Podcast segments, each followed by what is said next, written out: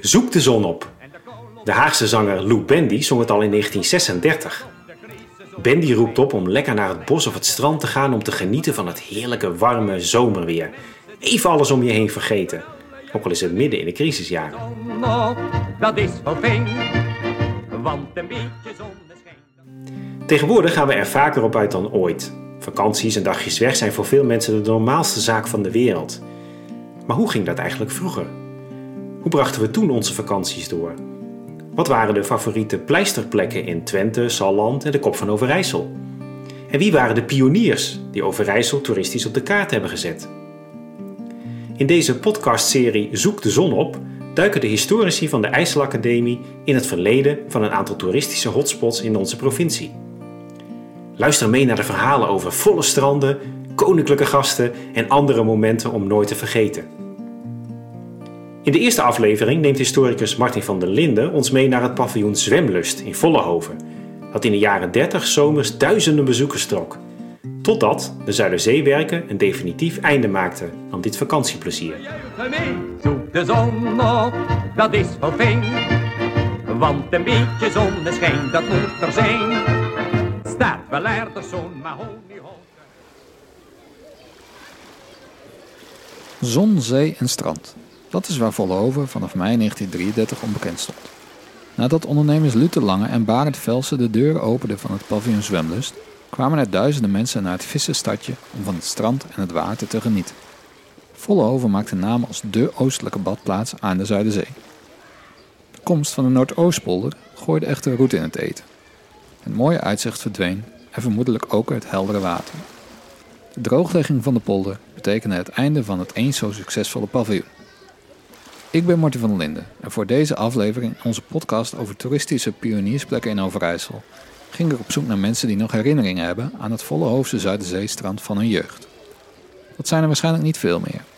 Iemand die halverwege de jaren 30, tijdens de hoogtijdagen van het paviljoen, een jaar of vijf was, is nu ruim 90 jaar oud. Zouden zij nog iets weten van hoe ze destijds hebben genoten van de zon? Hoe ze hebben gezwommen in de zee?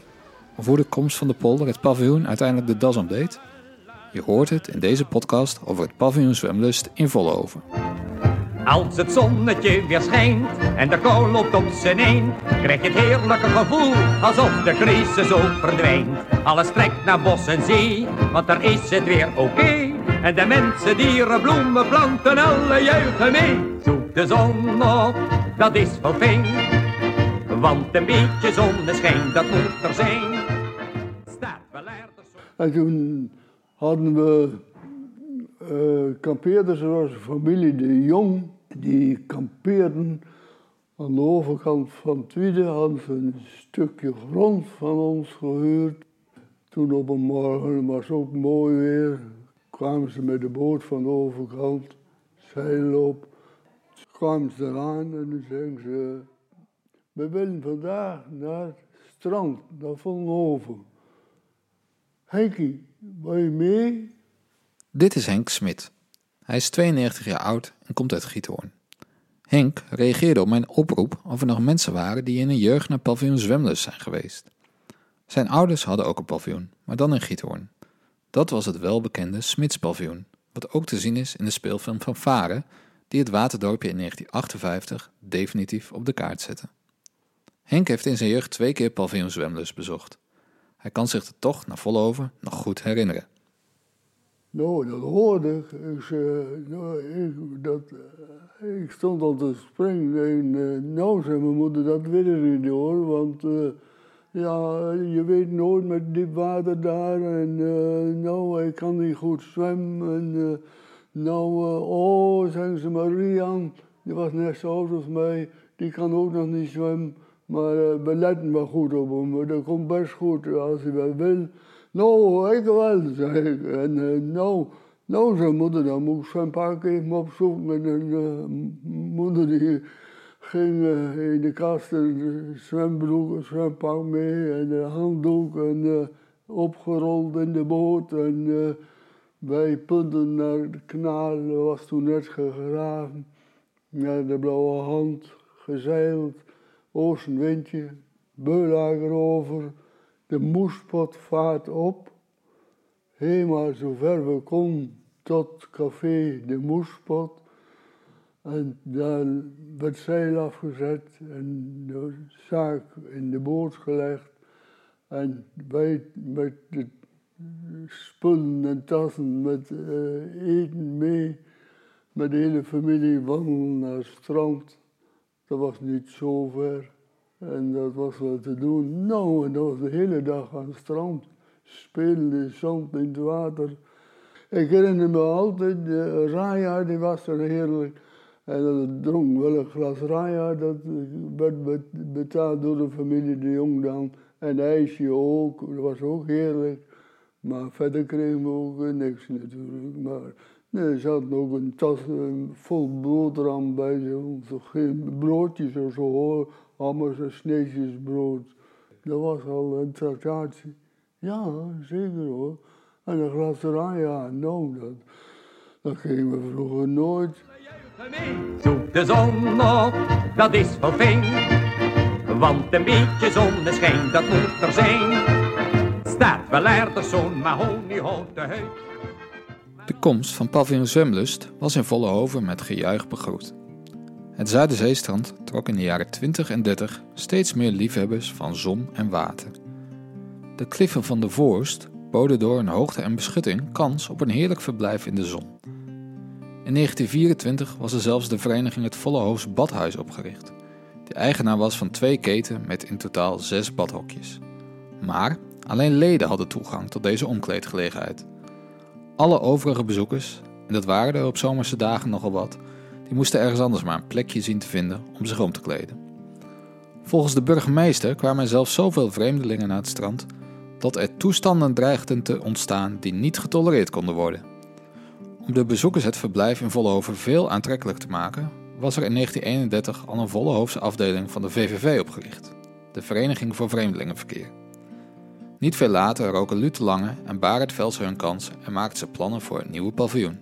Ja, er was wat bebouwing, stond er wat, wat uh, groenachtig geschilderde hokjes waar we verkleden konden. Dat, dat. Nou, het, was, het strand was wel uitgebreid in mijn ogen, in de kinderogen tenminste, was het wel vrij lang.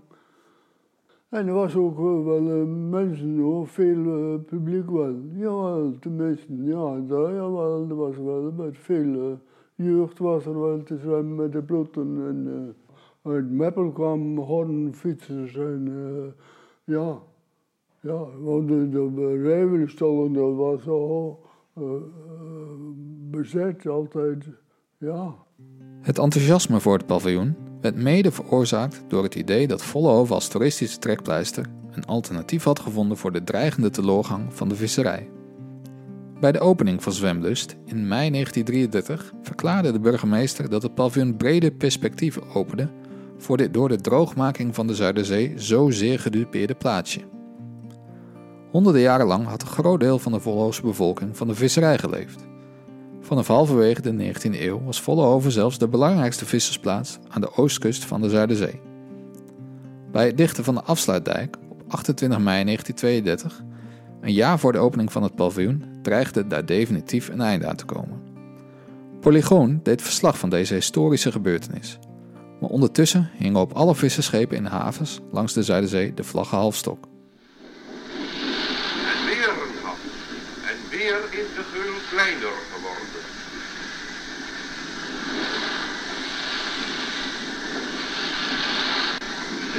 Russel tegen. Een laatste aanval op de vermetele bedwinger. Niet helpt. De kranen zijn onverslaanbaar.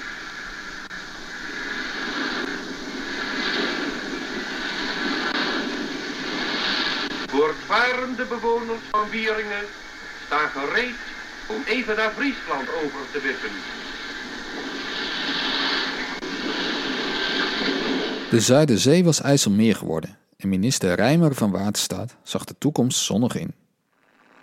Sluiting van de laatste opening in de afsluitdijk tussen Noord-Holland en Friesland is een feit van historische betekenis.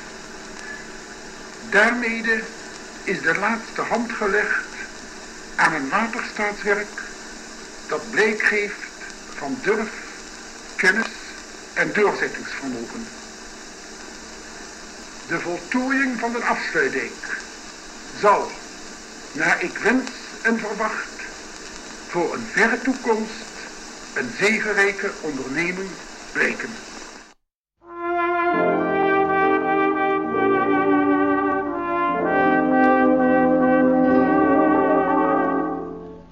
Zuiderzee is ingedijkt en spoedig is ze droog. Ze hebben haar tenslotte klein gekregen. Waar eens de ranke vissersscheepjes zeilden op den wind, daar rammelt straks het vorkje langs de wegen. En waren je gisteren scholletjes en nieuwe haring... In tegenstelling tot de minister waren de Vollehoofse vissers helemaal niet blij met de inpoldering van de Zuiderzee. Op korte termijn zouden ze direct al nadelen ondervinden van het dichten van de afsluitdijk. Het waterpeil van het IJsselmeer zakte, waardoor de haven van Vollenhoven onbereikbaar dreigde te worden. Een van die vissers was de vader van Jo Ouderling. Op hoge leeftijd kan zij zich nog goed herinneren hoe haar vader jarenlang het ruime sop koos in de hoop op een goede vangst. Vader deed weg op zee. Die ging zondagsavonds weg. Als er, goed, als er een goede gelegenheid was, dan kwam de, de knecht die als hij dan had, die tikte tegen het raam en dan zei hij, was er een keer een oom van hem. Toen riep hij, oom, het is een goede gelegenheid. We moeten weg, we gaan weg. Als de wind goed was, ja, dan, stond de, de mand met, met eten, zwanen klaar.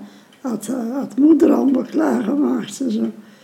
En dan gingen ze s'nachts na twaalf uur, zondagnacht, dan naar zee. In de dagen dat haar vader op zee zat, runde de moeder van Jo een kruidenierswinkeltje in het centrum van Vollenhoven. Pas aan het einde van de week keerde haar vader meestal weer terug naar de vaste wal. En stond Johan samen met haar broers en zussen altijd op te wachten bij de ingang van de haven. En dan stonden wij op die, de, de, de bogens en zo nou. Daar stonden wij dan en dan zagen wij de schepen allemaal aankomen. Mooi gezicht was.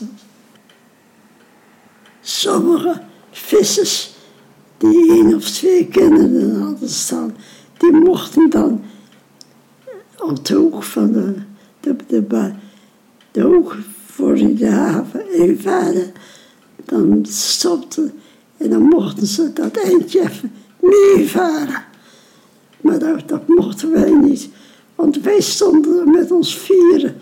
Nou, en, ze konden niet zo langzaam, want ze moesten zo de, de goede koers hebben om de haven in te komen. De vangsten van de Vollehoofse vissers werden vanaf 1915 verhandeld in een eigen visafslag bij de haven. Zodra een visser zijn gevangen vis in wilgemanden bij de afslag bracht, luidde de keuringmeester de bel om de visventers en visbedrijven te waarschuwen. Hij schatte op het oog de kwaliteit en daarmee de prijs en zette een bedrag in. Als men min riep, dan was de vis verkocht. Zomers waren er wel zo'n 80 tot 100 visventers uit stad en ambt Vollenhoven. De vis die ze kochten venten ze per fiets, kruiwagen of hondenkar uit in de wijde regio. Zo ook bij Henk Smit in Giethoorn. Veel visboeren zaten daar, viskarren die gingen s'morgens hier uh, vroeg de weg langs. Vanuit Vollenhoven met hondenkarren, met de hond eronder of met twee honden. En dan trokken ze met uh, vis erop, trokken ze Drenthe land in.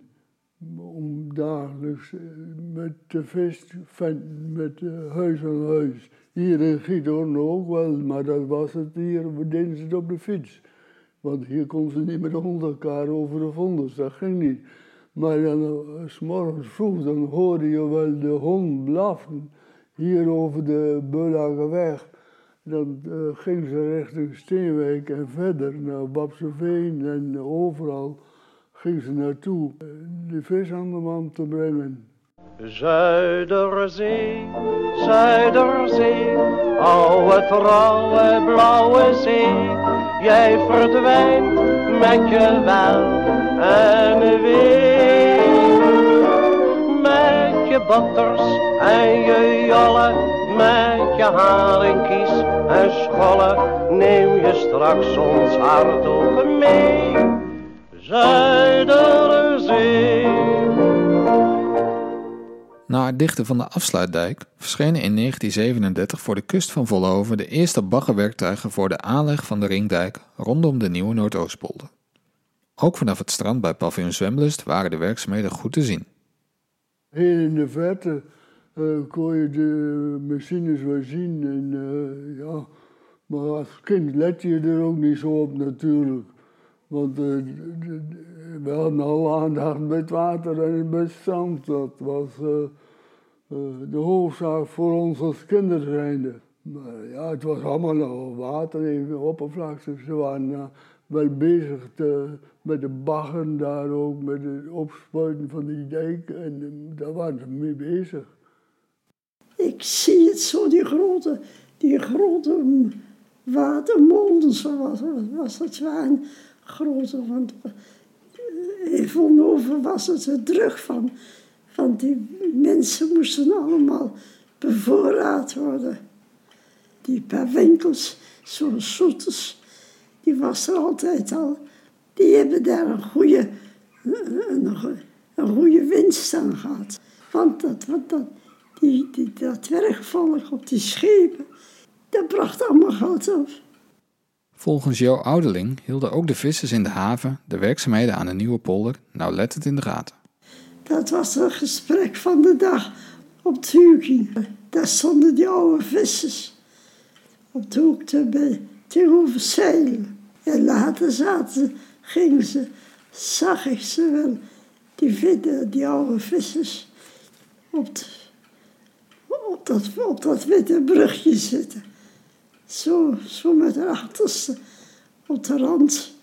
Nou, en daar, en daar werd alles een beetje, ja, ze zeggen wel eens, eh, dronkenmanspraat. Toen de ringdijk in 1940 klaar was, begon men met het droogmalen van de polder. Binnen twee jaar was al het water eruit en was het uitzicht vanaf de kust bij Vollenhoven voorgoed veranderd. In plaats van de uitgestrekte Zuiderzee lag er nu een grote kale modderige vlakte die nog helemaal moest worden ontgonnen. Vanaf de wal zag Jo de nieuwe polder geboren worden. Wij gingen op de dijk staan en ik heb de polder wel zien leeggaan. Die grote machines, die water, grote, grote, die zogen dat water op. En dan stonden ook op de dijk te kijken. En, en die dag, dat dan de laatste dag zou zijn, toen echt de zee, toen dat we die, die, die grijpers, die grepen daar, die zogen dat water op. Toen zijn we blijven staan, daar kan ik me nog herinneren, dat het laatste, het laatste water hier van, voor de haven dan, dat ging weg. En wat overbleef was een kanaal tussen het oude en het nieuwe land. De Zuiderzee was voor de neus van Vollenhoven verdwenen. De vissers wisten bij de overheid nog wel een paar steunmaatregelen af te dwingen. Degenen die stopten kregen een premie, maar voor jonge vissers was nauwelijks ander werk te vinden. Velen van hen trokken naar Twente om daar in loondienst aan de slag te gaan in de textielfabrieken. Oudere vissers kregen een jaarlijkse uitkering of probeerden, zoals de vader van Jo, zo goed en zo kwaad als dat kon, nog door te vissen door een schip in de haven van Elburg te leggen. De komst van de polder luidde zo het einde in van de visserij in Vollenhoven. En uiteindelijk ook het einde van paviljoen Zwemlust. De zon op, dat is fijn. Want een beetje zonneschijn, dat moet er zijn. Staat wel ergens zo'n mahoniehouten huid. Ja, nou, voor, voor mij was het een, een happening gewoon, het, het, het strand als kind zijnde. Ja, dat was, eh, ja, ja, prachtig genoten. Twee keer dat ik er geweest ben. Ja, ja, dat heeft indruk op me gemaakt. En dat, dat herinner ik me nog als de dag vergissen. Het strand bij Vollenhoven was voor Henk Smit een onvergetelijke ervaring. En misschien ook wel voor die andere duizenden bezoekers die in de jaren 30 naar Zwemlust waren gekomen. Toch ontkwam ook het paviljoen niet aan de gevolgen van de inpoldering. De dagen dat het strand helemaal vol lag met badgasten waren voorgoed voorbij. Al probeerde eigenaar Luther Lange van de nood een deugd te maken. Op 30 april 1940 adverteerde hij nog dat Zwemlust weer was geopend en dat het strand een mooie gelegenheid bood om de Zuiderzeewerken te bezichtigen. Tien dagen later zou de oorlog uitbreken en was het helemaal gedaan met Zwemlust. Op het terrein werden eerst Duitse troepen gelegerd. Later bouwden de Duitsers op het hoogste punt van de vorst een groot gebouw dat diende als uitkijkpost richting de polder. Het paviljoen had zijn tijd gehad en werd ingericht als woonhuis dat in 1958 helemaal af zou branden. Wat blijft zijn de herinneringen aan Vollenhoven als badplaats aan de Zuiderzee. Al lijkt die tijd nu weer terug te komen. Niet dat de polder weer onder water wordt gezet, maar een lokale camping-eigenaar heeft verregaande plannen voor de bouw van een nieuw paviljoen zwemlust. Wie weet genieten er binnenkort opnieuw duizenden mensen van de zon, de zee en het strand bij Vollenhoven. Zoek de zon op, dat is wel fijn. Want een beetje zonneschijn, dat moet er zijn. Staat wel aardig zo'n mahoniehouten huid. Maar als je boter op je hoofd, blijft er dan maar liever uit.